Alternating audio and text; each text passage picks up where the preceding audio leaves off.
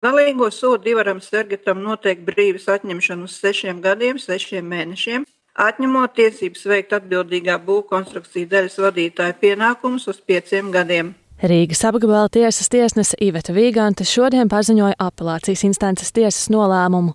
Būtībā spriedums ir līdzīgs pirmās instances lēmumam, jo attaisno pārējās astoņas personas. Savukārt Sergatam piespriesto brīvības atņemšanas sodu apgabala tiesa noteica par pusgadu ilgāku. Tāpat vairāku cietušo labā piedzīs materiālās un morālās kompensācijas vairāku tūkstošu eiro apmērā.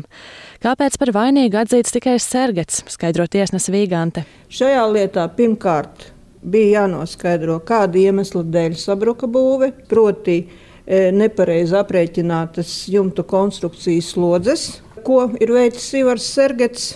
Nākošais jautājums, vai e, neveicot slodzes pārēķinus, to varēja konstatēt, un vai pārējām lietā apsūdzētajām personām normatīvais regulējums uzlika šādu pienākumu. Tiesas ieskatā atbilde ir nē. Lietas prokurors Kaspars Cakuls teica, ka visdrīzāk spriedums tiks pārsūdzēts, taču vēl pāragri ko teikt. Protams, mēs neesam līdz galam apmierināti. Te pašā laikā mēs uzskatām, ka mūsu izsniegtais protests lielā mērā arī tika apmierināts arī sergetam noteikto sodu. Sots noteikti tuvu maksimālajai robežai. Viens no blakus lēmumiem ir adresēts Rīgas pilsētas tiesas priekšsēdētāji par pārkāpumiem taisot pirmās instances tiesas spriedumu. Respektīvi, tas, ko mēs vienmēr esam teikuši, ka pirmās instances tiesas spriedums ir nelikumīgs, viņš par tādu šodien ir atzīts. Kopumā tiesa pieņēma četrus blakus nolēmumus. Tiesnesis Vīgants skaidroja, ka pirmās instances tiesa izmantoja tiesas sēdē atsevišķus nepārbaudītus pierādījumus, kā arī nepienācīgi tika atspoguļoti visi iesniegtie pierādījumi, galvenokārt liecinieku liecības.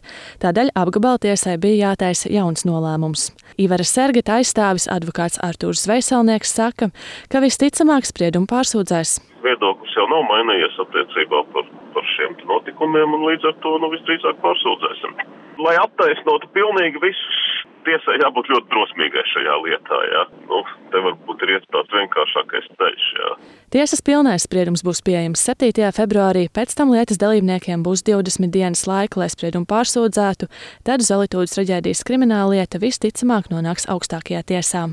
Linda Spundiņa, Latvijas radio.